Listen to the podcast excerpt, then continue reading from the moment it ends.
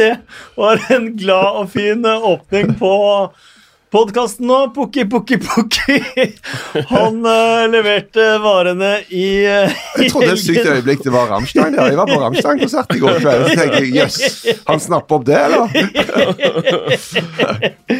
um, vi får bare gjøre som Pep Guardiola og spise giften vår og gå Videre, det, var, det har både vært supercupfinale mellom Liverpool og Chelsea, og det har vært eh, seier til den ene og uavgjort til den andre i Premier League. Det har vært eh, masse var, men jeg må si at jeg orker ikke at eh, alle fotballdiskusjoner og podkaster og alt bare skal dreie seg om var, og sånn har det en tendens til å bli overalt, på sosiale medier og i studioer og i oppsummeringsprogrammer og alt, så vi prøver å holde VAR til et minimum denne gangen også. Forrige gang klarte vi vel uten å snakke om VAR i det hele tatt, omtrent. Det har vært litt kritikk mot uh, oss i studio, faktisk, for at vi ikke tok en litt større VAR-diskusjon rundt Manchester City i Tottenham. Ja. Men det er nok litt som du sier, Kasper. altså vi kan ikke holde på med det hele ikke veien. Ikke hele tiden. Jeg blir møkk lei av VAR, og det tror jeg mange andre blir også. Og så skal vi prøve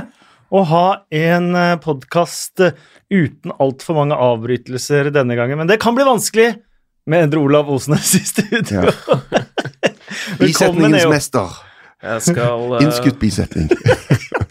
Avbryter du, Erik? velkommen. Ja, takk. Takk så mye. Og Erik eh, Torstvedt, velkommen tilbake. Takk for det.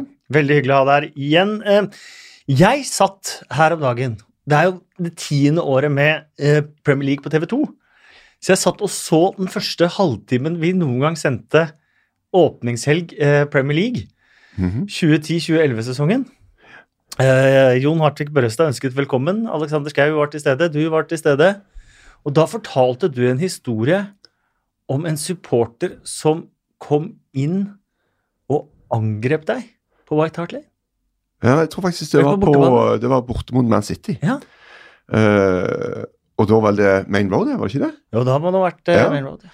Jo, det, det, var et år vi slo uh, City fire ganger på en sesong, så da ble det kanskje litt mye for dem. For uh, i den ene cupkampen så det ble banestorming.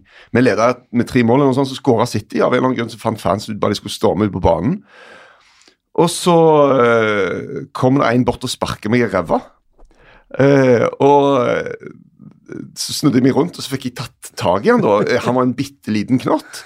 Så jeg holdt han jo på avstand der ute, da, men så fortvilt prøvde å slå meg uten å greie det. Eh, så kom jo politiet og tok han da.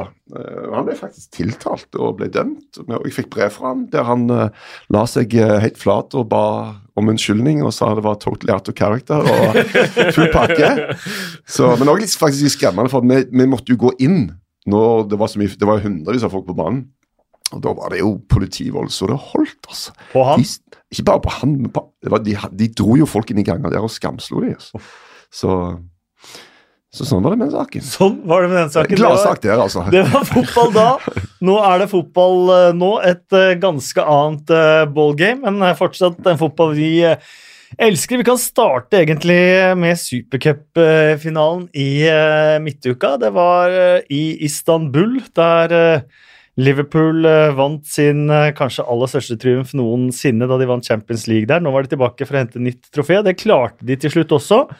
Chelsea tok ledelsen 1-0. Liverpool utlignet til 1-1. Det ble etter hvert eh, straffesparkkonkurranse der Adrian reddet straffen til Tammy Abraham, men der Adrian også ble sklitakla av en fan i, i i feiringen, så han var usikker til matchen mot Southampton i eh, helga. Men uh, Chelsea igjen så gode ut en stund før de ikke så så gode ut lenger. Jeg syns de var gode ganske For det første så var det en strålende fotballkamp. Det var det. Tenker på at dette er en hypa treningsmatch, tenker du.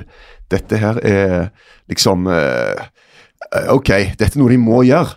Og Så drar de ned, og så bare gønner de på i to timer. Mm. Og, og den altså, den feiringa som ble foretatt etter at seieren var klar for mm. Liverpool, var sånn du tenker ja, ja, ok, de de er sikkert happy og tar hverandre i hendene, men det var bare helt vilt. Og det var ganske kult å se. Jeg er jo litt sånn ironigenerasjonen, så jeg tenkte jo sånn Er det ironi? Nei, det er ikke det. De mener det. Og det, det handler jo òg, tror jeg, om det å bygge en vinnerkultur, vinnermentalitet i Liverpool. Komme tilbake til noe av det de hadde før. Da Da må du ta seirene underveis. Du må feire dem, og du må bygge den der at vi er dritbra.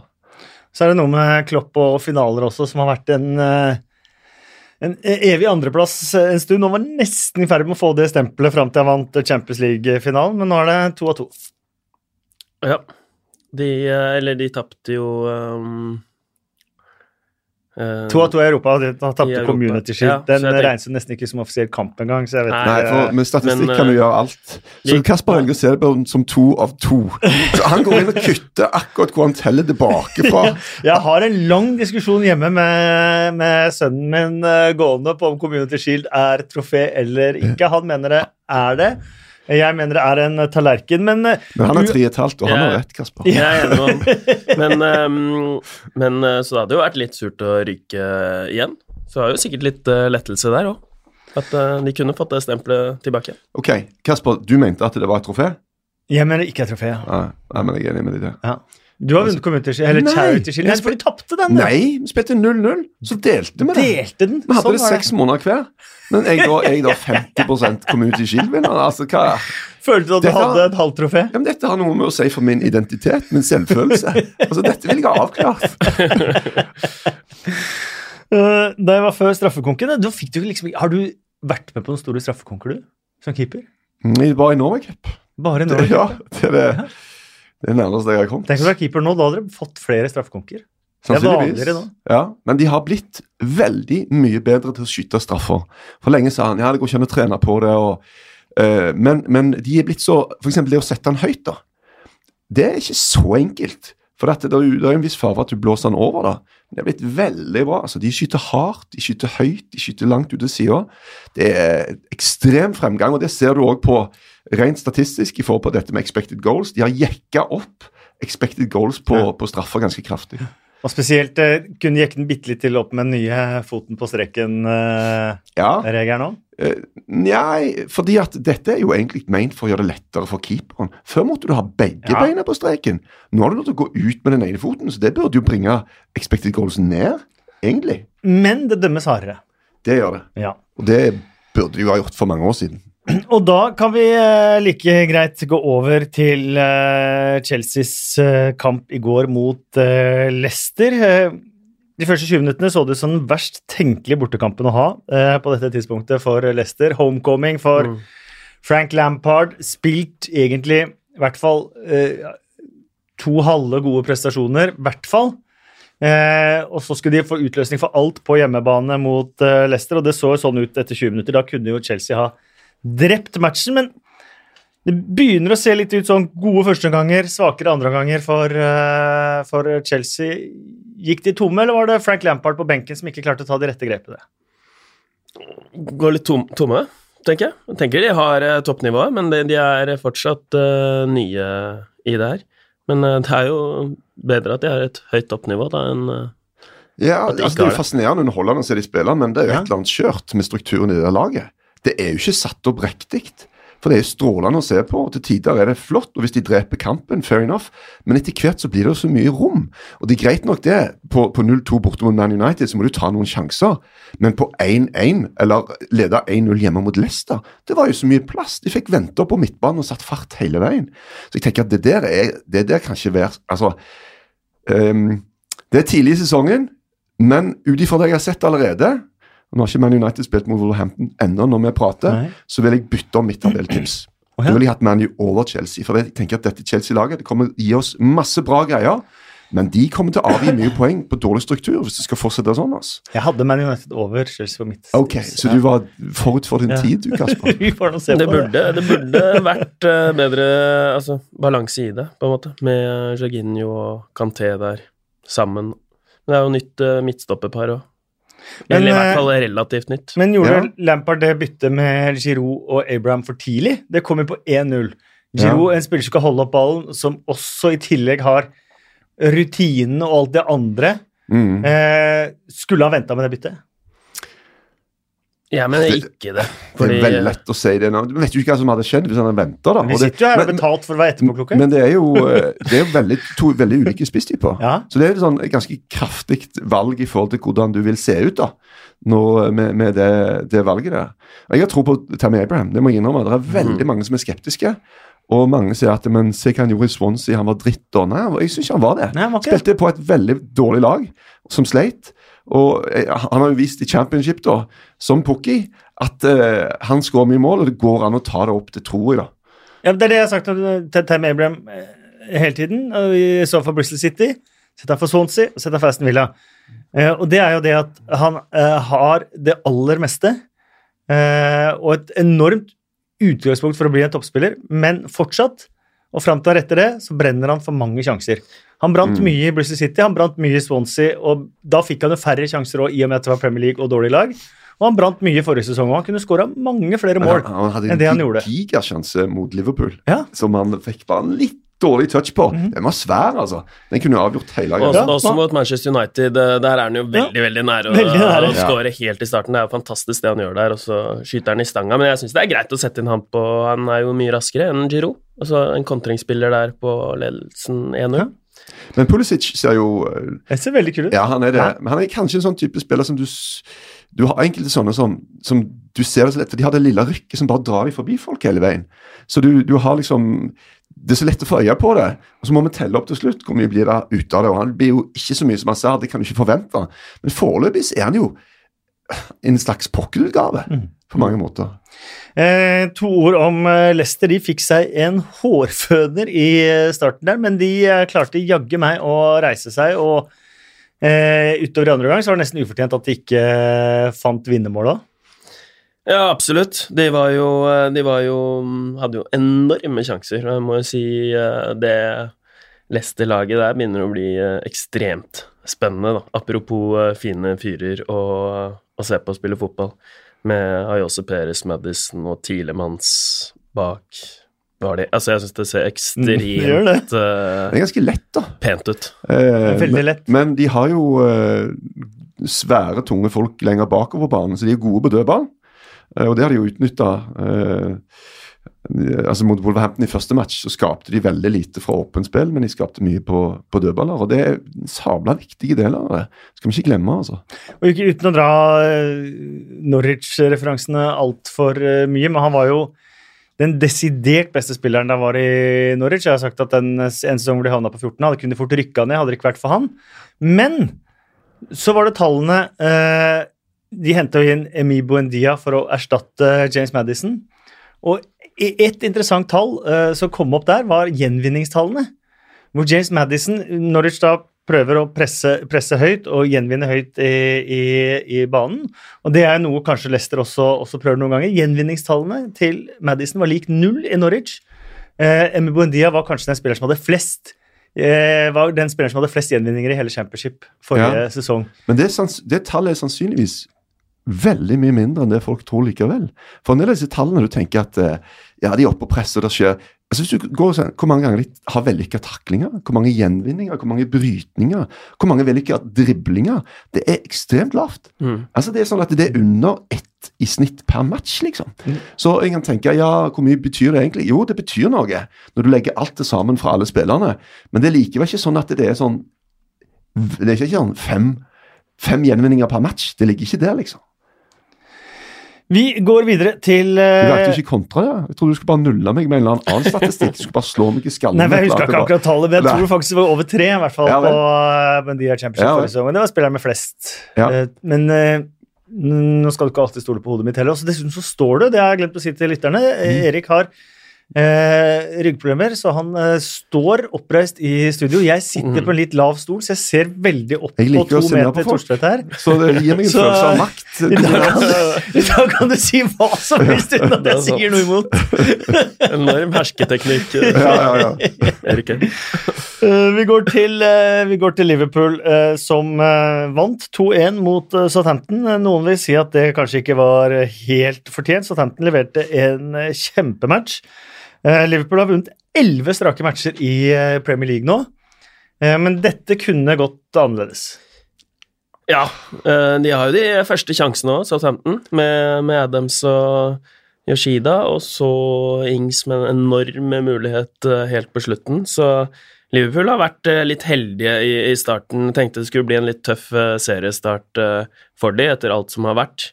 Men eh, de har jo kommet uh, meget godt ut av det. Hvis du starter med Norwich hjemme og Southampton borte, så er det en uh, plankestart. Ja, altså. eh, jeg ser den, uh, Erik, men eh, jeg så de såpass mye i sommer at jeg bare syns det så Ja. så tungt ut. Og så hadde de så mange spillere som har vært i, i mesterskap og Champions League, holdt på. Det var så mye aktivitet, da. Så, Mm. Men nå har de jo kommet gjennom, hvert hvert Ja, så fall. de de kommer jo bare til å bli bedre. Supercupen. Ja. Er jo et virkelig eh, trøbbelgreier midt oppe det. 120 minutter der nede. og, og, og ikke bare lunta rundt, men gi jernet. Eh, men jeg vil jo si at vet du hva, Southampton spilte en god førsteomgang, men fra start i andre så bare var det totalt annerledes Liverpool-lag. Da tok de tak i det, og jeg vil si at de vant fortjent, altså. Eh, Adrian ga jo vekk Hvordan er vi alltid uttaler? Jeg må høre med kommentator. Adrian. Adrian. Mm. Adrian. Adrian! Det er veldig lett å si uh, Adrian. Men Og så er det sånn at jeg tror ikke ingen Så lenge Klopp og andre også jeg tror i omgangskretsen hans i Liverpool også kaller han sikkert Adrian, så Ja. vil jeg tro at uh, det meste går. Men uh, det, han har jo en sånn, uh, et halvtak der over den siste A-en, Ja. som gjør Adrian De er gode på å beskytte keeperne sine i uh, Liverpool. Da. Karius da, hadde jo hjernerystelse, og nå hadde jo han her um, forstuet Ja, ankel. så og, og lag det er- merke til Klopp er lille veldig flink greia på det. som, som han gjorde umiddelbart, Klopp. Ja, ja, ok, nå gjorde han akkurat det samme som Ellison gjorde. Ja, ja. Han, han var ute med den med en gang, Mm. bare for å så Og det er ganske lurt gjort, da. For at det er litt skeptisk til den matchen der fra Adrian. Fordi at det, hvis han får litt sånn rykte om at han er shaky med beina og sånne ting, så er det for det første noe som motstanderen utnytter. Publikum får det med seg. De begynner å hoie og skrike hver gang det er tilbakespill. Og eh, han prøvde jo å ta en Alison. Han skulle være så sabla kul. Mm. Alison er helt rå. Han står bare og venter. Han, ikke, og bare, ja, Det er helt enormt å se på. altså. Men Adrian har ikke det helt inne, så da må han gjøre det mye mye enklere og raskere. Eh, Southampton eh, har da startet med null poeng eh, denne sesongen. Det er jo bekymringsfullt for dem, men langt bedre nå enn 0-3-tap eh, sist, i alle fall. Manchester City de tok imot eh, Tottenham. Pep Guardiola han har jo en tendens til å si etter kamper som eh, dette her at dette er eh, det aller beste de har gjort, og de kunne Mm. ikke gjort det bedre. Og han har på I'm mange so måter proud. I'm so proud. ja, et uh, poeng, og han sa også at de måtte spise giften sin og gå videre. Grunnen til det er at de tok ledelsen 1-0 og 2-1. Tottenham kom tilbake begge gangene. Eh, avslutningen på mål var vel 33 til Stemmer. Manchester City. totalt avslutninger, ikke på mål. Det var det Nei, avslutninger. Mot, Mot mål. Sa, mot mål, ja. Sa jeg noe annet? Ja, avslutninger på mål. Sa jeg det? Ja, Ja, det Du mente jeg kan ikke. ikke si avslutninger mot mål. Hva er det for en? Avslutninger, da. Avslutninger. Vi sier avslutninger. Ja. Jeg enig- forsnakka enig meg. Endre Olav forsnakka seg. 10-2 på mål. På mål, Står du, der, står du der oppe på din høye hest? Og det fine med å ta med at den tredje avslutningen til Tottenham var et skudd fra midtbanen. for Harry. Så det er jo en helt ellevill uttelling. Det er jo sånn et stort ran som det nesten går an å få blitt. Altså. Det er det. Eh, Så eh, er jo det som, eh, det som skjedde Hjørnespark. Ballen via Laporte havner på brystkassa til Gabriel Jesus. Tar den ned og setter inn 3-2, og da er vi et par-tre minutter på overtid. Eh, Og så Det tar lang tid før noen skjønner noe, både på Match of the Day og i våre egne kommentatorer og alt, men plutselig så har VAR funnet ut at den gikk via armen til eh, Laporte. Vanskelig å protestere på. Eh, og ikke skjønner heller at det skal være så altfor mye føss rundt det, for den regelen den er jo veldig klar. Det er det som er deilig med, med disse reglene, som det er ikke noe tvil om. Altså, sånn er det. Sånn er det. Er det offside? Ja, han var innenfor. Det var offside. Ja, men det var bare ti, to centimeter. Han var innenfor. Ja. Altså, det, Her er det også. Er den borti en angripende lag arm direkte involvert i scoring, så Ja. er det annullert. Og det er ikke å diskutere, det er en regel som har, har kommet. Men det har jo kommet både en del regelendringer i kjølvannet av VAR, og det diskuteres hele tiden om regler må endres i kjølvannet av VAR, bl.a. offside, som du er inne på. Veldig mange vil endre offside-regelen. Det som er det mest bekymringsfulle, og det har jeg sagt nå om var lenge, og det er min mening, det er at noe av det pureste og reneste og fineste i fotballen, det er øyeblikkene. Og øyeblikkene er i ferd med å uh, tas vekk fra fotballen. Både på tribunen kan du hengi deg i total 100% pur glede, eller må du ha reservasjonen at her er det ikke sikkert det er mål? Jeg snakket med folk som var på Old Trafford, som ikke jubla på 3-0 til Manchester United fordi at de var sikre på at det kom til å bli annullert på VAR. Mm. Jeg merka selv da Harry Kane skåra 2-1 mot Aston Villa da jeg var på eh, nye Tottenham Stadium, at jeg måtte ha en reservasjon der, for jeg var ikke sikker på offside eller ikke. Og man blir usikker i alle disse målsituasjonene nå. Vi hadde en med Trossar, hvor Trossar skåra noe som heller ikke var lett å mistenke at VAR skulle inn og, og gripe, gripe inn i. og Fantastisk øyeblikk for han. Og så blir det annullert. Og uten å ta Nå skal jeg ikke ta hele rant om Folk syns at jeg er etter på VAR og sånt, og det er greit. Dette er ikke sutring, dette er mer en konstatering. Klaging. Som, og Det er noe helt annet. Sutring. Men eh, uansett, så det man må uh, Enten om man syns at VAR er det beste i verden, eller man er skeptisk til VAR, så må man huske på at alt kommer til en pris. Det har en pris å ikke ha VAR, og Mm. det har en pris å ha VAR. Så alt kommer og faller ned på hva er man villig til å betale, og hva er det verdt, og hvor er balansen i eh, i det å ha eh, var kontra ikke var, og hvilke situasjoner man skal ta kontra ikke skal ta. Ja, alt verdifullt her i livet har en eh, pris. Liker det, Kasper. Men uh, det Er er det helt noen enig. teologisk tilnærming vi kan ha rundt dette? Uh, ja, men, men det er jo sant. Uh, alt har en pris, og det er prisen man må betale. Eh, noen vil ha det helt nøyaktig, og det, det er forståelig. Eh, og så er det andre som vil leve i det narrativet fotball eh, er, da. Eh, som er det følelsene rundt målet. Samtidig så blir det jo andre følelser. Det blir jo mer følelsesmessig berg-og-dal-bane nå, da. Absolutt, Med men VAR. Nå var jo idealet, idealet da, med, med VAR, sånn jeg forsto det um, um, når Bobby Madley uh, var her, det var jo at uh, det her skulle ha en avgjørelse innen feiringen er Mm. over, så at man kan feire, og så vil du få en kontramelding i løpet av den feiringen, sånn som man også kan uh, ha uten VAR, og så skal det være over, og så klarer man jo ikke helt det, da. Men, uh, men det er jo idealet, og sånn sett så syns jeg det var en forbedring. Det så ikke ut som folk holdt tilbake på feiringen på Etihad, syns jeg. Nei, det gjør ikke det. Men nå er vi i startfasen også på VAR her i, i Premier League. Og dette er noe som vil utvikle seg. Om fotballen kommer til å endre seg sånn sett, det er jeg helt overbevist om. Eh, mitt første sånn ordentlige øyeblikk med det var jo Manchester City-Tottenham i Champions League-kvartfinalen. Da mistenkte jeg offside, og jeg mistenkte at her kom, Ja. kommer VAR. Og da måtte jeg ta et valg, veldig raskt som kommentator, hengi meg i dette øyeblikket med en gang, og ta mm. det andre etterpå. Uh, og det valgte jeg å gjøre. Uh, men man kunne også tatt en annen tilnærming. At ja, her kan de ha vunnet, her kan de ikke ha vunnet.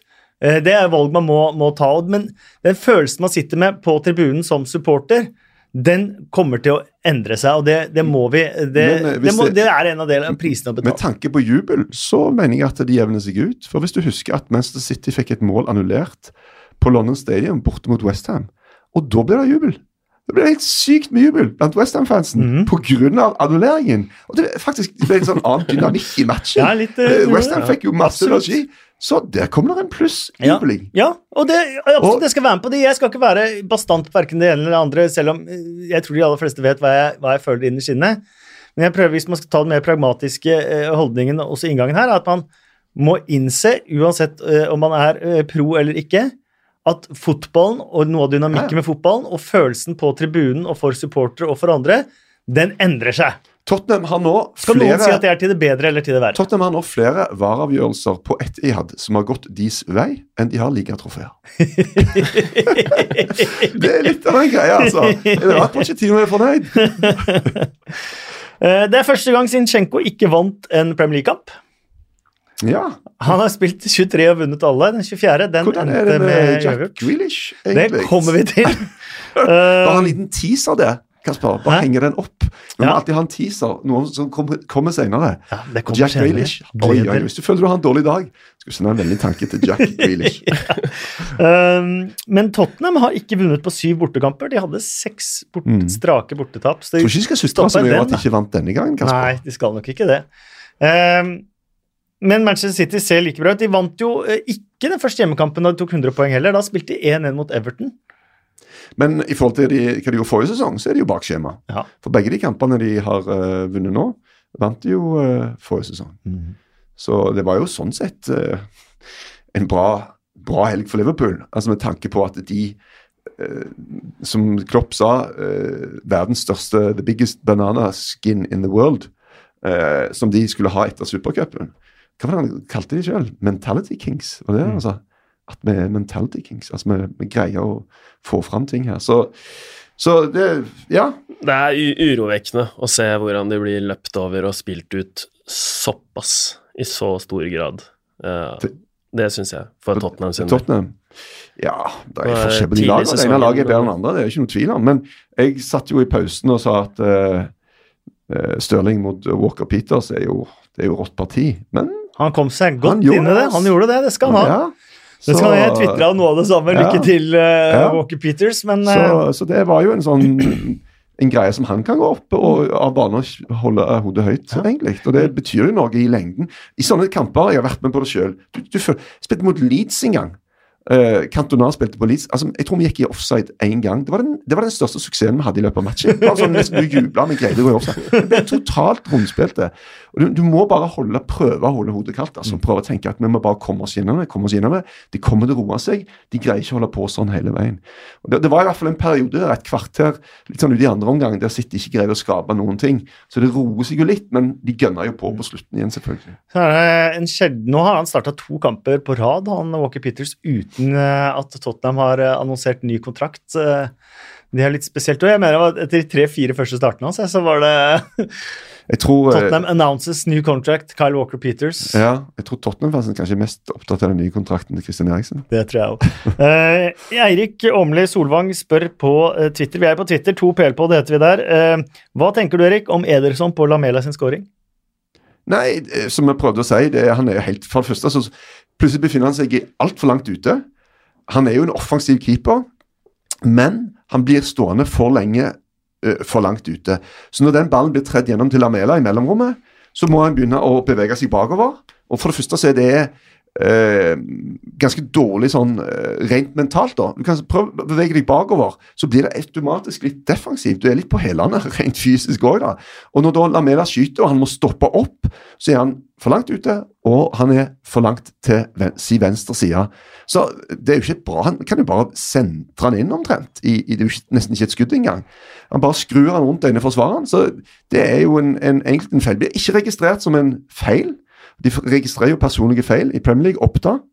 Og det er verdens største drittstatistikk, som vi bare kaster det som var rett, rett inn på Oppda når han kom i garderoben. Bare fikk Ja, ja. registrert feil. Ja. Eh, Pickford sier jo det. I løpet av eh, 30 sekunder i garderoben så sjekker jo han hva folk skriver om på Twitter. Så det er jo helt sykt. Men, men anyway, den der eh, var en eh, miss. Martin, den første, har et innspill her. Manchester City-spillere hadde Sané på ryggen før kamp. Skulle tro han var død og ikke skadet. Lærte de ikke noe av Brasil og Neymar. Tåpelige av City. Hva mener du, Endre Olav? Det her eh, Kan du gjenta det? Jeg skjønte faktisk ikke helt spørsmålet. At de varma opp med Sané på ryggen. Ja, sånn, ja. Um, det fikk jeg faktisk ikke med meg. Det er men, den andre eh, også som har gjort det. det ikke er, Arsenal det, eh, eller ja. noe sånt? Det syns jeg er eh, litt uh, tåpelig. Mm. Det det er jo en fin gest, men det, det åpner jo opp uh, et ormebol. For hvis det er en annen spiller som kanskje litt lenger ut på benken enn det Sané er, og han blir skada, skal de gjøre det samme med han? Altså, Hvor går grensen? Hvis jeg plutselig mister stemmen, Erik, så Ja. forventer jeg at dere sitter i studio med Kasper-T-skjorter hele gjengen. Nei, Altså, I hvert fall med Norwich-drakt. Går, Eh. det går ikke på, på mangel på empati, men jeg syns det å, å trekke fram Altså, ja. Det eksempelet, den tweeten, var, eh, var bra, for sånn som i Brasil, så man spenner litt bein på seg. Jeg føler det gjør noe med fokuset, men eh, ja, jeg vet ikke. Thomas Edvardsen, vær så snill å forklare meg én ting. Hvorfor skal folk og eksperter sette spørsmål ved VAR når det åpenbart er korrekt? Hvorfor vil ikke folk ha hands på Laporte? Hvorfor skulle Stirling sitt 1 cm offside-mål mot uh, Westham vært mål? Jeg forstår det ikke. Eh, du har fått litt av forklaringen eh, fra meg eh, nå. Og så får det egentlig eh, bli med det, men vi kan ta med Jeg den ta med, nye Kan vi bare hive inn en liten ting? Hvis vi skal diskutere noe fra den Man City- Man City-Tottenham, så må vi diskutere hvorfor fikk ikke Man City straffe når Erik Lamela dro ned Det er jo også en ting med VAR. Det en- at det er ja. subjektivt. Ja. Eh, det er subjektivt hvilke situasjoner man tar, og hvilke situasjoner man Ja. ikke tar. Og det er jo en stor ankepunkt mot VAR. Det vil ikke bli 100 Eh, rettferdig. Det vil ikke bli helt likt. Nei. Og det er jo det som rokker ved de som sier at ting, så lenge ting blir mer rett, så blir det mer rettferdig. Det mener jeg det fins ikke noe likhetstegn mellom det. Det kan bli like urettferdig selv om ting blir mer rett. Eh, og Det må man også bare innse. Eh, Når det gjelder Stirling sitt offside-mål mot Westham, så har det jo, kom det jo nå nye analyser av det målet som viser at det er helt umulig nesten å si om det er offside eller ikke, fordi at man har ikke nok frames. De tar jo frame by frame på når ball på fot eh, mot eh, spiller som løper i eh, 30 km i timen. Det der trenger Eh, ikke jeg å vite. Kasper. Så- For nå, nå, for jeg jeg, syns det er så deilig å vite at det er riktig. Ja. Altså, for, for Jeg har jo satt spørsmål med det. I tennis for eksempel, har de jo goal technology, men det er en feilmargin.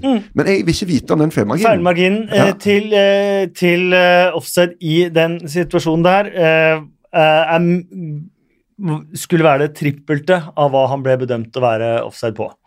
Eh, så da kan man heller selv også bare eh, si er det svart eller hvitt eller ikke. Men eh, vi, nå lar vi VAR-diskusjonen være, og så lar vi VAR bli for denne gangen. For jeg tror folk er lei av VAR, og jeg er lei av VAR.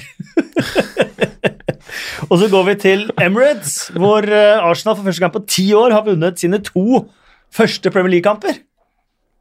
Ja, det, er jo, eh, det har jo en verdi. Det har en særlig- stor verdi. Særlig med den gjengen han sender ut på. Han sender jo ut på eh, to engelske tenåringer i to matcher på rad Ja. fra start. Og, Ola Åsmuld sier det. ja, Hyper litt rundt 19-åringene som leverer for Arsenal. ja, men det er altså bare, bare å, å ta det valget, at de skal spille. Mm. Altså eh, Med Torreira som blir sittende på benken og sånn og sånn og sånn, og ditt og datt. og Uh, ja, jeg syns det er utrolig bra. Det, og med Ja, og så er det Grendosi, som er 20. Maitland Niles, som er 21. Ceballos, som eh, er 23. Som PP, er, gammel er han? Han er ikke så mye eldre, han er ikke 23 Nei, 23. nå? 23. så det er jo bemerkelsesverdig uh, ungt, da. Ja. Så jeg, det, den kommenterte jeg vel, denne kampen, ja. Og det må jeg bare si at eh, det, de var i fyr og flamme, uh, det Arsenal-laget. Jeg likte spesielt Det så jeg opp på Twitter, eh, Kasper. eh, Ceballos der, at han fortjener litt uh, haus, og det er noe av det råeste sånn jeg har sett eh, av en eh, ny Arsenal-spiller. Leverte like mange målgivende på én kamp som eh, Øzil hadde hele forrige sesong.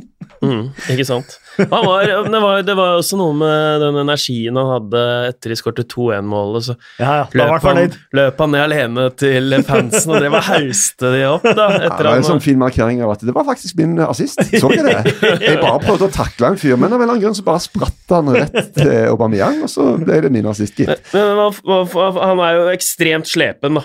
Eh, I tillegg til at han er hardtarbeidende. Og når han i tillegg frir til egne supportere og er, en, er litt sånn type som kan, uh, kan trekke opp motstandersupporterne, så mener jeg de har fått en eh, meget god eh, klubbspiller. Så får vi se om det bare blir en sesong. Men jeg må jo si at eh, Real Madrid er eh, de er godt uh, spent på midtbanen sin når de kan sende ut sånne spillere på lån. Kjøper du en uh, U21-spiller fra Spania, en som spiller på landslaget, som nettopp har blitt europamester, så er de er jo gode. Altså Nesten uansett. Men det er klart at nå skal vi opp helt i toppen av Premier League, og da eh, da skal du være ekstremt god. Du skal være bedre enn Øzil, liksom.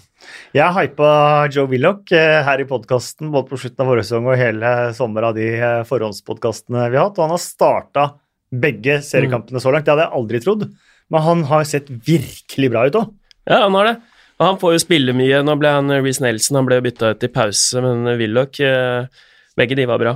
Eh, Men eh, han, han får masse tillit, så det kommer jo helt sikkert til å, til å vedvare. Ekstremt eh, dynamisk og dekker jo så mye rom Nei, fantastisk Jeg snakka med Reece Nelson etter ligaåpningen. Da snakka han bitte litt om at han måtte i Bundesligaen. Virka ikke så happy med at han måtte det, men han sa at det er- var noe jeg måtte gjennom Ja. før jeg kunne komme tilbake. Jeg ville tro han satte egentlig mer pris på det året i Hoffenheim enn enn det virker som han gjorde. Ja, det er i hvert fall en uh, god utdannelse. Altså En bra liga å spille i.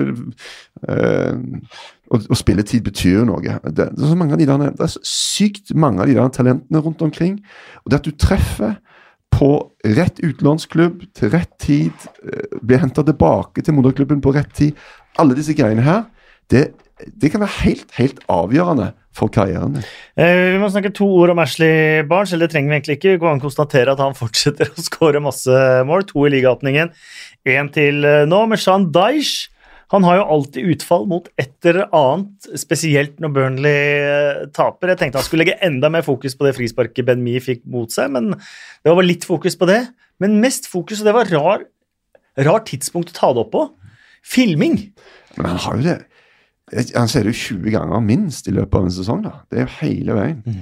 Så Men nå var det det at det bare er gult kort for filming. Det betyr at alle spillere i Premier League har ett frikort til å filme hver i hver kamp.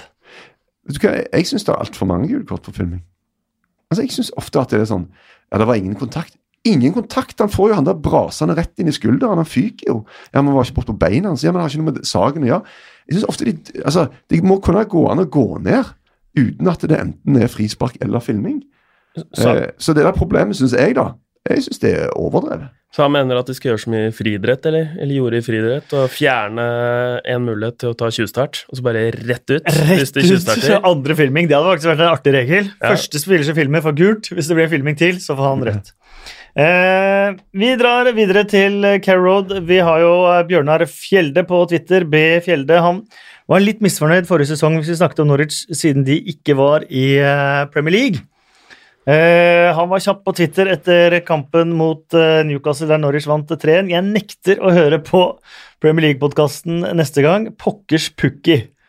Eh, men Morten Haag eh, er ikke enig. Syns du skal velte deg i pukkifest på neste podkast. Det har du fortjent. Og Newcastle-supporter, faktisk. Bjørn Vestblad.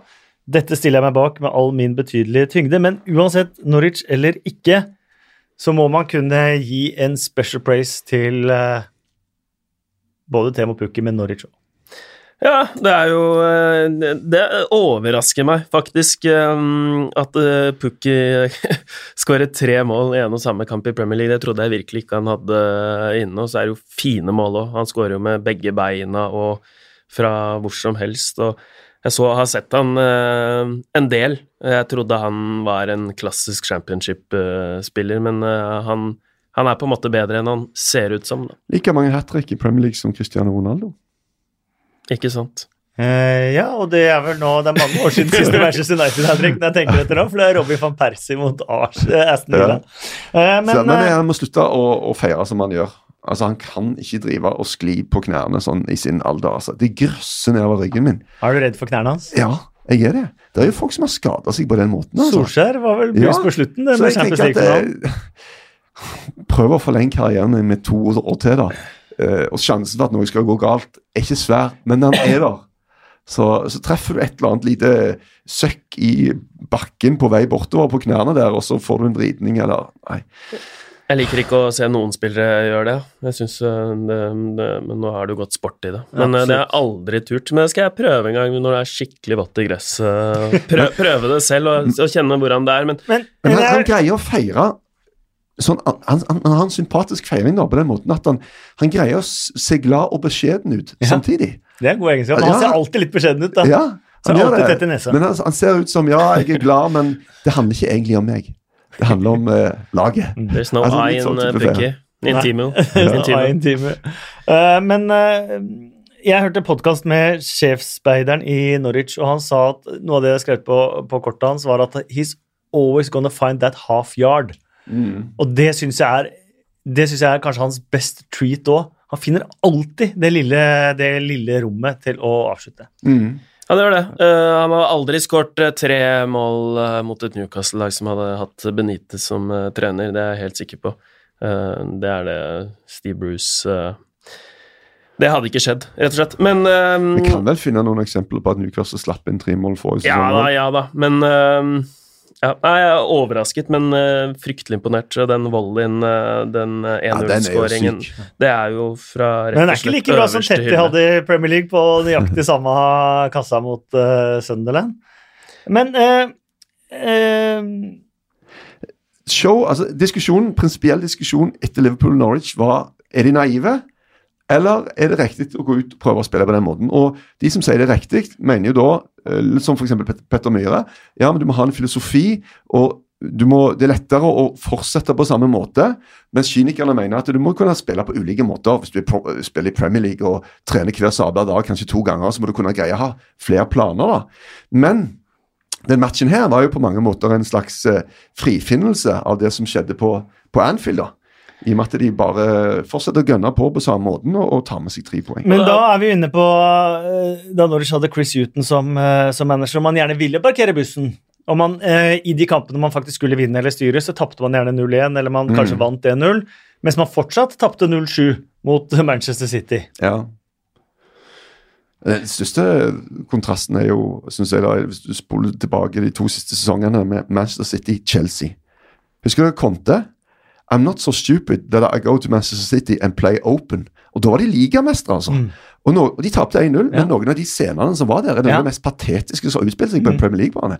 Altså, De prøvde jo ikke engang. Det var bare sånn Og så, så kommer Sarri i forrige sesong, da. Juhu! Tapte 6-0. Mm. Og hva er best? Det er klart at det er bedre å tape altså 0-1, men måten det skjedde på man må gi seg selv en mulighet, ja, på et vis. og for, til og med for spillerne. Mm. Når spillerne føler seg nedvurdert eller sett ned på som, i forhold til hvor gode de er, ved å sendes ut på en plan som ikke inneholder annet enn å bare stå her og prøve å begrense ting, så, så gjør det noe med, med selvfølelsen. Jeg vil gi en liten rose inni der også til Todd Cantwell, født og oppvokst i eh, Norwich. Um, spilte en god kamp på Anfield, hadde to målgivende i, eh, i, på lørdag, og spilte en ny god kamp for Newcastle. Så er det Tottenham borte nå, og så er det Watford hjemme, og så er det Liverpool borte. Den Watford-kampen den begynner å bli ekstremt viktig, for det, det brenner et lys nå. Skal vi huske på at de vant ingen av sine ti første kamper forrige sesong. De hadde tre, eh, tre poeng ut i november, men likevel, det tåler ikke Steve Bruce. Nei, det tåler han ikke. Det har blitt eh, klart svekket, det Newcastle-laget. De som har gått, har ikke I hvert fall foreløpig ser ikke erstatterne så vasse ut. De har mista Ayose Perez og Rondon, som eh, ikke foreløpig har eh, Men eh, de kommer, de. De er litt slow starters. Jeg syns han og hjemme, så Sant Maximin, eller eh, hva heter det, han ser utrolig artig ut. Jeg er enig i det. Eh, Emil Kraft hadde en fryktelig debut. Men det er, noen, det er noen spennende spillere der. Jeg synes det, det er et lag, hvis det plutselig skulle stemme, så kan det være se morsomt ut. Hvor mange sånne franske kantspillere har det vært i Newcastle? Det har vært mye. Og vår venn Sankt Maximin Maxime. Maxime. Jeg leste en sånn, sånn ja, analyse på han sånn. Han er sånn type spiller som fansen blir sånn Wow! Sykt! Kult! Og så går det noen kamper som bare irriterer han vettet av. For det blir jo aldri noe ut av det. Men i utgangspunktet er jeg enig. altså Hvis han greier å få et sluttprodukt, så er det bra. Og vi må jo vente med Newcastle, for vi må ikke tro at alt var helt supert under Benitez. For det var det jo selvfølgelig ikke. Men, men eh, eh, det har vært en fæl start for Bruce, da, selv om de var ganske gode mot Arsenal. De var ikke Enig dårlige i den matchen der. Nei, og Det gir grunn til å tro at de kan få med seg noe fra de tøffe kampene her nå. De, um, mot Arsenal kunne de lett fått med seg noe. Absolutt. Uh, Everton de slo Watford 1-0. Det har blitt et litt sånn hatoppgjør, det, eh, Everton mot uh, Watford. Med tanke på Marco Silva, som var Watford-manager, med tanke på Richarlison og konflikten. Eh, noen konflikter rundt eh, der, men Everton har nå vunnet fem strake hjemme. De har aldri tapt hjemme mot uh, Watford på 14 forsøk. De har ikke sluppet inn mål på Goodison Park, hør på dette her, siden tidlig februar Oi, mot Manchester City. jøss. Ja, Jeg det er så faktisk. Nei. Ja, det er jo ellevilt. -hmm. Det er ellevilt. Uh, så- Zuma var ellevilt bra, for å mm, si det. eh, Mot eh, Det er jo et, en, Erik-terminologi. eh, For Everton i eh, forrige sesong. Mm. Det er han Ja. ikke nå i, eh, i Chelsea, så jeg er veldig spent på det forsvaret til, til Everton. Så mm, hvis det vedvarer, så, så er det bra. Men eh, Zuma var nok en av grunnene, så vi får eh, vente litt Ja, og se og også. de der liksom utfordrerne til topp seks, de som kommer rett bak der, de jeg har lyst til å se de sette sammen en hel sesong. da. Everton er litt sånn, Så kommer det en fase som er bare helt uh, ræva, og så går det noen kamper, så kommer de tilbake på rett spor. Men, men de har for mange sånne faser, har hatt i hvert fall, i løpet av de siste sesongene. Sheffield United slo eh, Crystal Palace eh, 1-0. Premier League-fotballen tilbake på Bramall Lane. Eh, ikke så veldig mye mer å si om det enn at Sheffield United eh, ser eh, solide ut. Det er ikke overraskende. Og Crystal Palace Unnskyld at jeg sier det, det er ikke så ofte man bruker sånne ord, men de ser nesten helt nakne ut. Mm. Det er bekymringsfullt. Og Roy Hodgson sa vel det etter etter, eh, etter kampen at det, det, vi må gjøre, er å skape målsjanser. Hvis ikke så er det beste vi kan håpe på 0-0. Ja. Men jeg tenker at de ser ofte Jeg syns ofte de har sett til tider litt nakne ut, da, men så er det et eller annet med Hodgson som gjør at det, i løpet av en sesong så greier han alltid å få det på stell. da. Greier å få det til å bli såpass bra at, at, at de greier å få eh, liksom nok poeng. Men hadde de mista Saha uten, helt på tampen av transfervinduet, uten å greie å, å skaffe noe annet, så hadde det vært eh, virkelig et, et blått lys. altså. Det er nok det verste tidspunktet å møte Sheffield United på uh, hjemme der på Bramall Lane. Ja. Det, det, er, det tror jeg faktisk de kommer til å få mye bra resultater på den banen eh, denne sesongen. Aston Villa de spilte sin første Premier League-kamp på Villa Park på 1197 dager, og der har det vært så feber nå gjennom eh, sommeren. De har mange tusen, nesten 10 000 på venteliste på sesongkort. Du skal ikke mer enn ett år tilbake med Steve Bruce, eh, nesten konkurs. Eh, så fikk de nye eiere, men da var altså entusiasmen på bånn. Det var halvfullt på Villa Park. Det så glissent ut. Championship-matcher fra, fra Villa Park. Nå er det altså så enorm entusiasme i den byen rundt Aston Villa. Smekkfullt holdt den igjen. Eh, og en tragisk start med straffespark etter 53 sekunder mot. Ja, den er Første målet vinner. Det er ofte sånn. Eh, og den er altså Det er som å starte med, med 0-1, liksom. Mm. Og det er en svak greie av eh, Tom Heaton. Uh, Joshua King er bra på straffer, da. Det er, er viktig. Så um, Men det er jo Fraser, uh, Callum Wilson-kombinasjonen igjen som setter det opp. Mm. De to er jo giftigste paret i Premier League siden 17. Alan Shearer. Som de var forrige sesong. da. Så det var, det var Bournemouth var dårlig i første match. De var tynt, så å få den seieren her, da er de på, på gang. Samtidig, de, de taper jo alle statistikker, uh, bortsett fra Så det er jo de to tidlige målene som de klarer å, Mm. klarer å ri inn. Da. Men uh, Ja. det er jo kvalitetstegn at de, eh, de lykkes eh, borte der. Og så syns jeg skåringen til Douglas, Douglas Louise er noe av det vakreste jeg har sett. Det må vel være rundens, i hvert fall. Det har ikke vært noen I, finere. eh, I Premier League, ja. Ja. Men Ja, ja, eh, den Norwich-skåringen er fin. eh, Pukki i første ja, det er dag, ikke i nærheten av Douglas Nei. Louise. Og det, det er jo, han var fornøyd med den selv òg, for han feiret jo den selv om, selv om det er en redusering. Apropos feiringer, så skal man jo være litt mer forsiktig med å feire reduseringer, er dere ikke det? Jo, men det handler kanskje litt òg om at han, det var jo en slags personlig revansj. Ja, det var det. Han rota det til. Som Didi. Det samme Overhopp. greia. Han hoppa over ballen. Hoppa ballen galt til Harry Wilson. Det Harry Wilson jeg påstår kanskje uh, har det reneste tilslaget i, uh, i ligaen. Det viste han uh, forrige sesong. Han treffer på absolutt alt, om det er volder, eller om det er ballen triller, eller om ballen ligger stille. Han treffer så klokkereint hver gang på ballen. Jeg så hvordan han bare la inn den lille touchen på motspilleren? På Tyron Mings, Ja. og så er det liksom tidligere Bournemouth-stopper Ja. Tyron Mings som er sist på den ballen. Og når du har Typisk den touchen også. at du kan tenke at ja, ja, du forlot denne klubben, du skal betale en pris, så bare dinker du En han litt innom. hofta. Eh, men eh, Jørgen Klopp var på WhatsApp med en gang til eh, Harry Wilson. Eh, med en uh, liten videomelding der med en 'get in there' og knyttneve til Harry Wilson på bussen hjem. Ja, det er, det er deilig. Og det er noe det, er det, det, det som er litt gøy med Arsenal, at de kjører inn de 19-åringene her, fordi de unge spillerne til de topplagene her, de er så utrolig bra, da. Uh, altså, jeg har sett det i kampene i, i sommer og sånt, det er så vanvittig høyt nivå på det, så jeg syns nesten synd på det, fordi, eh, fordi det, er, det er så vanskelig å komme inn på laget, da. Så, um, så der har de jo Og det er jo helt utrolig, egentlig, at han ikke er bra nok for Liverpool akkurat nå. Men det er kult av Klopp. Det er kanskje det som gjør Klopp til, eh, til Klopp, at han eh, tar seg tida til, til den WhatsApp-meldingen. Men, men er det, er det en, en gjeng som gjør det? Altså, Foran, liksom. ja ja, de har jo folk Ja, men han var nå selv foran skjermen der. Ja, ja, selvfølgelig. Men, men jeg, jeg tror han har mye å tenke på. Jeg, eh, men jeg tror jo det er bra da, at klubber prøver å ta vare på alle små Ja. detaljer. Og at de har en gjeng som passer på sånne ting og får det gjort. Det er en god ting.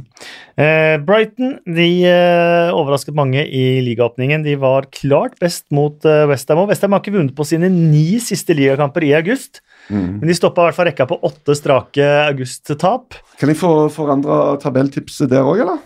Du vil ha Brighton litt høyere? Ja. Nei, ikke etter to runder. Nei, men de ser så bra ut. Ja, de gjør faktisk de, det. altså, og Graham Potter, altså, han er Du kan bare lese lokalpressen i Brighton, liksom. Det er bare ekstase over hele opplegget. Og det er veldig fort å gjøre det etter én og to kamper, men likevel, det ser Mentaliteten altså Jeg elsker Chris Huton, og den jobben han har gjort for Brighton, er bare Hva var det de kalte det? Ellevill? Ja, Ellevilt. Ja, jo Så, men men, men uh, Potter er, har greid å ta den grunnmuren, da.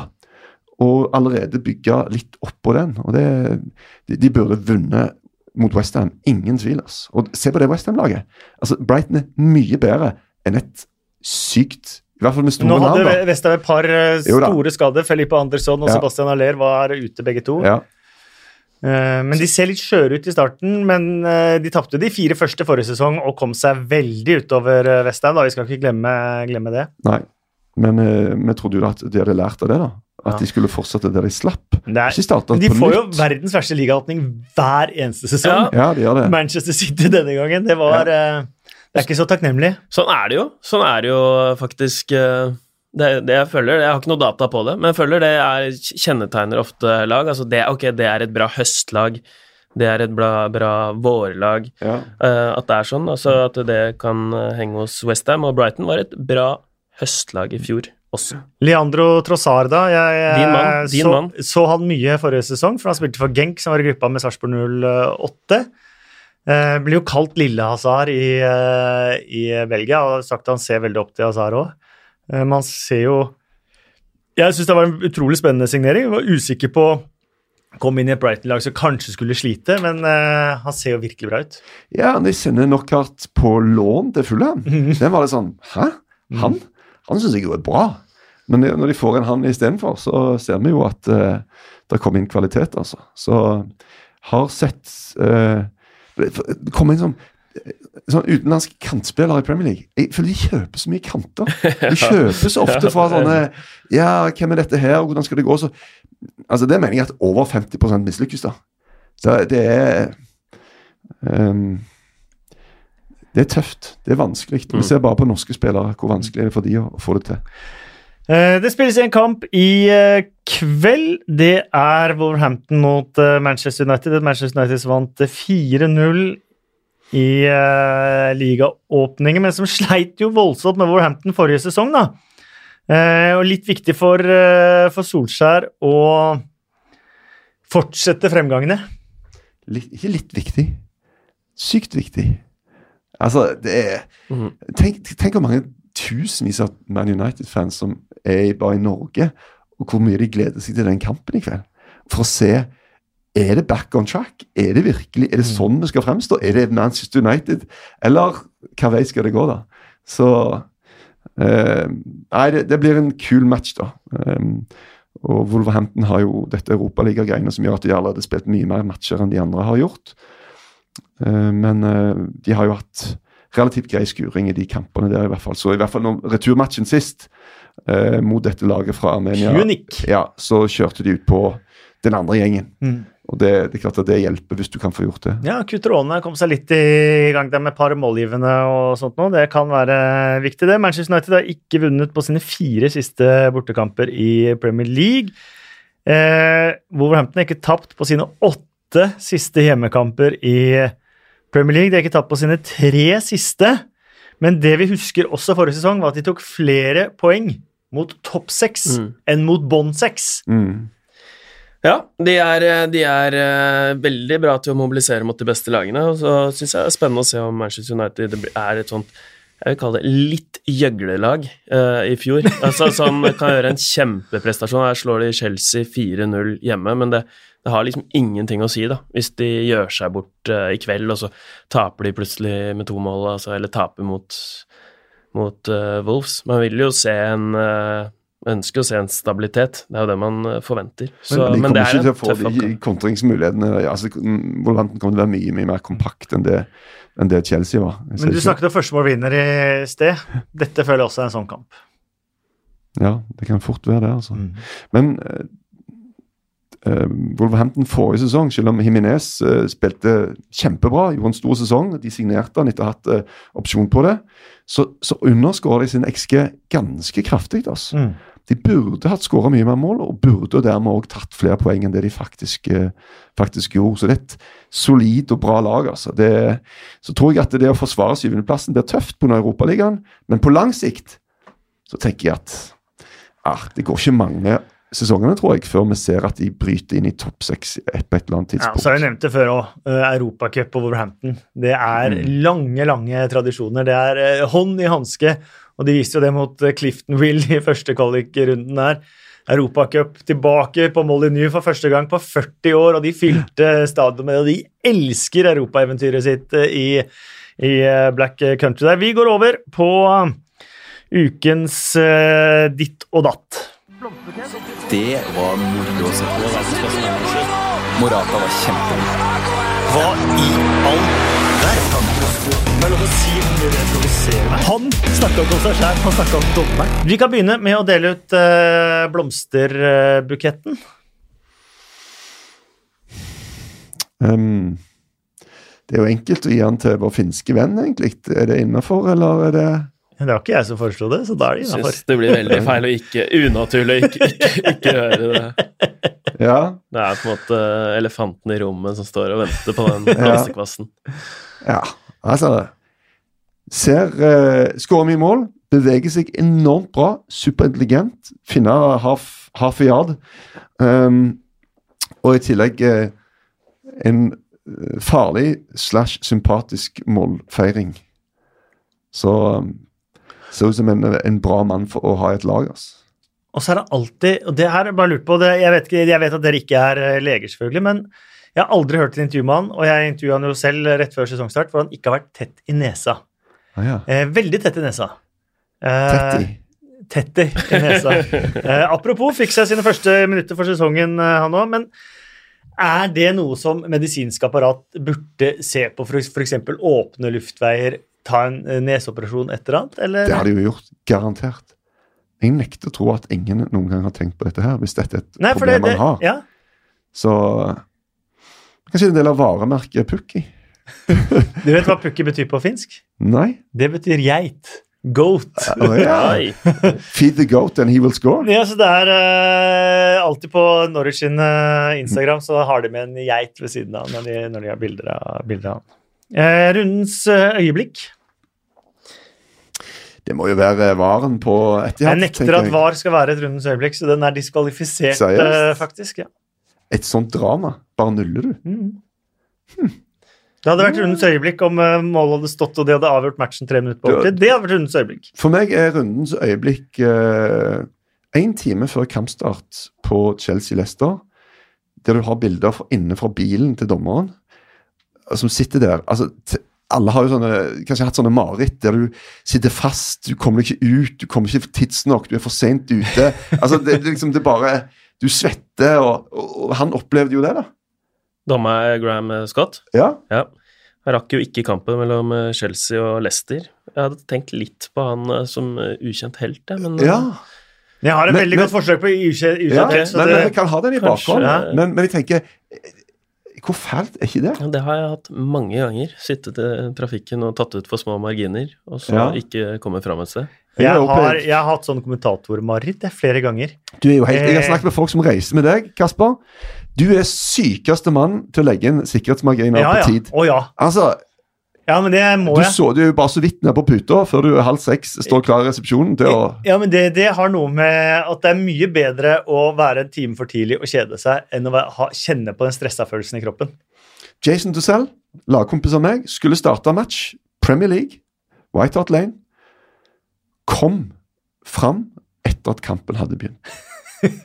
og og det, det var begynnelsen på slutten. Jeg mener, Han, Ja. han kom seg aldri helt igjen, da. Det, Hans sønn er for øvrig meget talentfull.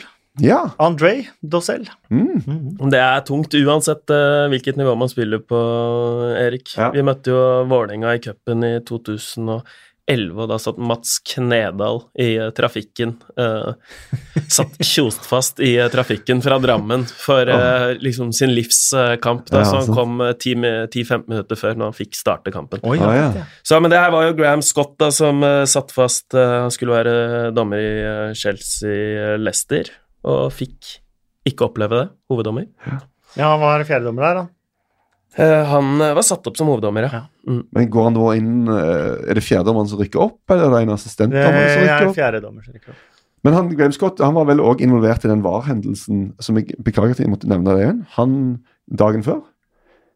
Uh, som han, han var i den der, det rommet som annullerte den der skåringen til Jesus. Det var han som også var i rommet i den famøse VAR-kampen mellom Tottenham og Rochdale, faktisk. Oh, ja. Ja. Da må det bli Eh, ukas øyeblikk, da. Graham Scott. Han får uh, for øyeblikket, Ellers så må vi nevne også Frank Lampards homecoming. Da han kom ut av spillertunnelen Ja. der, og det syns jeg var et fantastisk fint, uh, fint øyeblikk, og hyllet av Stamford Bridge uh, med bannere og alt, og da han snudde seg og applauderte, og alle reiste seg og applauderte tilbake. Det syns jeg var et fint øyeblikk. Og jeg fikk faktisk gåsehud når innmarsjen til Sheffield United Ja. mot Crystal Palace. Fint eh, Det øyeblikk. ja. det, det, det rører oss. Da. Vi vil jo bli berørte. Ja. Det er jo derfor vi.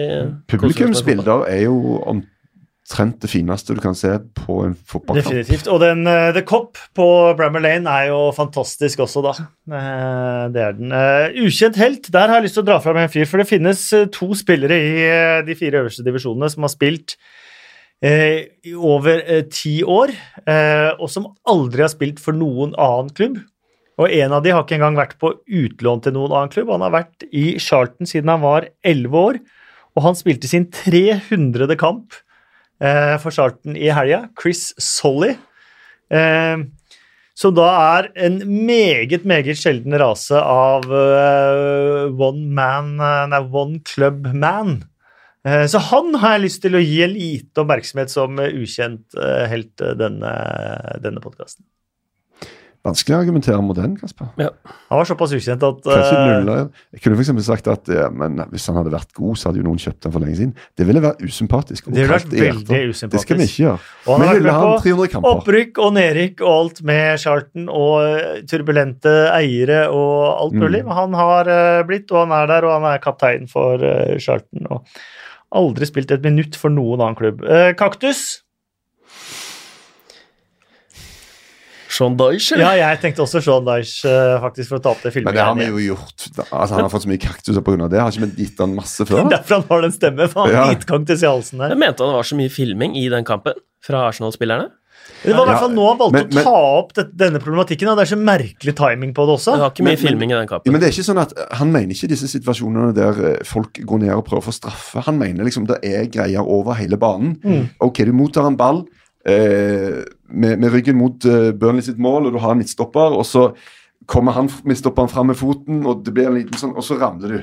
Mm. Og så mener han det var jo filming.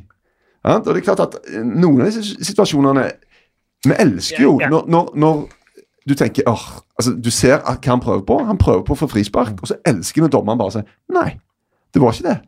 Kom deg opp.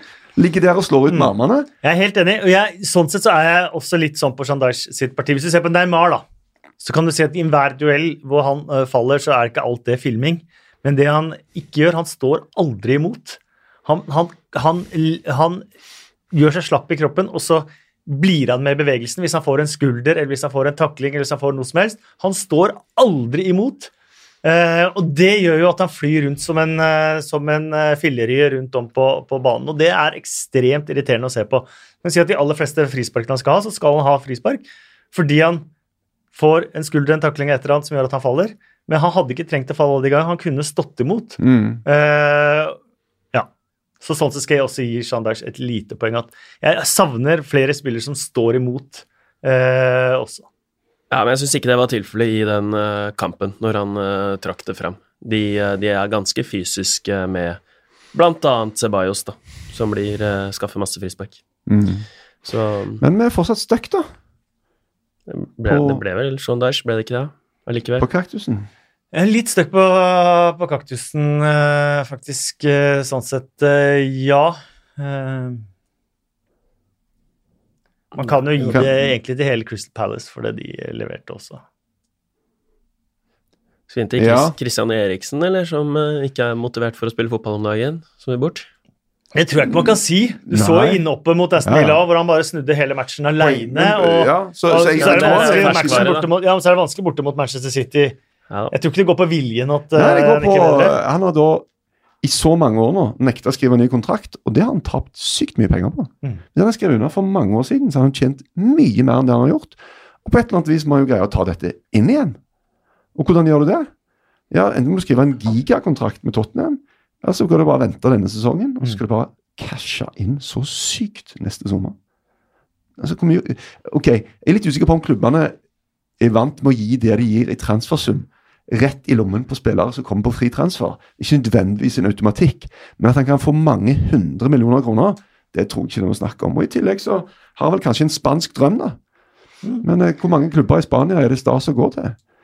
For, for en som ser på seg selv som en toppspiller. Det er jo ikke så veldig mange, kanskje. Da kan vi gi eh, kaktusen eh, Du kan få velge Shan Dyche, eh, og så kan vi la det Nei, jeg synes, nå syns jeg han er så barnslig. Ja. Så Da gjør vi det. Det er mye sutring, det er jeg helt uh, enig i. Uh, vi sløyfer Bill Edgar denne gangen. Jeg har uh, lest gjennom ikke, altså. Bill Edgar, og denne gangen leverte han Dårlig sesong for han. veldig dårlig. Det var sånn type eh, Det var type Det har vært hat trick for City mot United i begge de to første rundene. Ja. Manchester City mot Westham West Ham United, Norwich City mot Ja, ja. Newcastle United og sånn. Det var, det var, han var ikke helt oppe på nivå. Det kan man ikke alltid være. I forhold til expected wow, så lå han I forhold til expected wow, så lå han eh, under expected wow denne gangen. Så vi kan avslutte eh, med fem kjappe spørsmål. Hvem har eh, de styggeste draktene i Premier League? Mm, jeg, vil, jeg vil slå et slag for eh, generelt rosa keeperdrakter. Jeg syns det er fælt. Altså, Hvilken sa du på nå? Eh, Ederson sin? Ja, Ederson har dødskul. Allison har ikke han òg hatt noen rosa greier? Jo, det kan godt være. Altså, det er en del som kjører rosa, det Jeg har bare blånekter. Men dette Seriøst. er, Hadde eh, alle hatt det på meg. Fem kjappe. Ja. Da, Da ro, rosa keeperdrakter. Hvilke er det styggeste Premier League, Endre nå får jeg jo sikkert noen på nakken, men jeg syns jo grønt og gult ikke på en måte har appellert så mye Ja. til meg. Da. Og spesielt, og, og spesielt denne sesongen, med sånn der eh, glidende overgang der, syns jeg er fryktelig stygt. ja, Mm. uh, når det er sagt, så bortedrakten den har jeg veldig uh, sansen for. Men uh, hjemmedrakten til Norwich blir for meg Beklager til alle, ikke noe personlig. nei, det er ikke noe å beklage det. det er, jeg tror det er forståelse fra 99 Jeg vil faktisk si hjemmedrakten til Chelsea. Jeg pleier å like Ja. Chelsea-drakten. Jeg pleier å like det lille røde, jeg pleier å like blåfarget, men det der mønsteret som er i de Chelsea-draktene nå, syns jeg var helt forferdelig. Uh, hvem har de fineste draktene i Premier League? Hmm. Jeg, jeg vil kanskje si eh, eh, Newcastle. Jeg syns det er et eller annet med svart og hvitt der som er bare et eller annet Juventus-assosiasjon. og det, det var, Jeg tenker, jeg liker sånn sjakkmønster i fliser på gulvene og sånt. Det er et eller annet med sort-hvitt der som er lekkert. Jeg er en, helt enig med deg der. eh. Og så synes jeg også den wienerrøde Westham-drakten er eh, Jeg går for Westham ja. lett. Denne sesongens Westham-drakt Ja. syns jeg er eh, den klart fineste i Premier League. Den er rett og slett magisk, og det er rett tilbake til Frank McAvenny og Tony Cotty-tida, altså. Litt hva tid får vi se et litt trangere shortser? Som det var på 70-tallet? Ja. Grealish uh, ja. er med han banevei, så det suser etter. Men uh, har han sluppet unna, eller? Han slapp unna da vi prata om Aston Villa Bournemouth. Ja, vi glemte det- den. Han har tapt sine Ja. 20 siste Premier Er det kaktus, det, League-kamper. Eh, er i hvert fall kaktus til meg, som glemte å ta det opp, så jeg kan ta med kaktusen selv eh, 20 nå. Det er jo helt sykt! Ja, for Han tapte de to siste den eh, ene sesongen, men så tapte han samtlige 16 da Mm. eh, Aston Villa var oppe sist. Det er nesten sykeste av det. Ja. Eh, Statistikken er at han tapte samtlige 16, og så har han kommet eh, i gang med to tap denne sesongen. Så han har 20 strake i Premier League. Det er Det fryktelig statistikk. Ja. Kanskje- Så kan han ta sin trøst i at de aldri hadde rykka opp uten han. Ja, men han er så, han er så stilig, den mannen. Men eh, nei, jeg hadde egentlig på kaktus Da hadde jeg ballguttene på Bramall Lane De, de henta ikke en ball etter at eh, Nei, de tok ledelsen Og 1-0. folk holdt den litt på tribuna også. Ja. Ja, ja. Det er kanskje ros rose òg, egentlig. En blomst. blomst. overleve Brighton. i Premier League. Ja, Ja, det har vi vel fått godt argumentert her nå fra mannen som står midt i rommet. Jeg står, fortsatt på, jeg står fortsatt på mitt uh, tips før sesongen, at de ikke gjør det. Um, overlever Crystal Palace i Premier League? ja. Jeg tror de gjør det. De finner en uh, vei til å høre det, men Mm. uh, de kommer ikke til å Vinne? vinne nei. Resultat i kveld? Wolverhampton, Manchester United. Skal jeg si 0-1, jeg. 1-1. 2-1 Wolverhampton. Uh. Da har vi hele spekteret. Da har vi hele spekteret. Eh, som sagt så er vi på Twitter. Der heter vi 2PLpod. Vi eh, er jo på iTunes hvis du har funnet oss eh, fram eh, der, og setter pris på gode tilbakemeldinger eh, der også. Eh, takk, Håkon og Moderne Media, for å ha lagd eh, episoden. Takk, eh, Erik, for at du eh, kom stående innpå i podkasten denne gangen. Og takk, eh, Endrola, for også at du var tilbake her. Det var veldig hyggelig å ha dere begge her. Jeg hadde likt Takk, fra min posisjon å kunne påpeke at dere begge begynte å bli litt tynne i håret på toppen, men det kan jeg dessverre ikke si. Moderne media.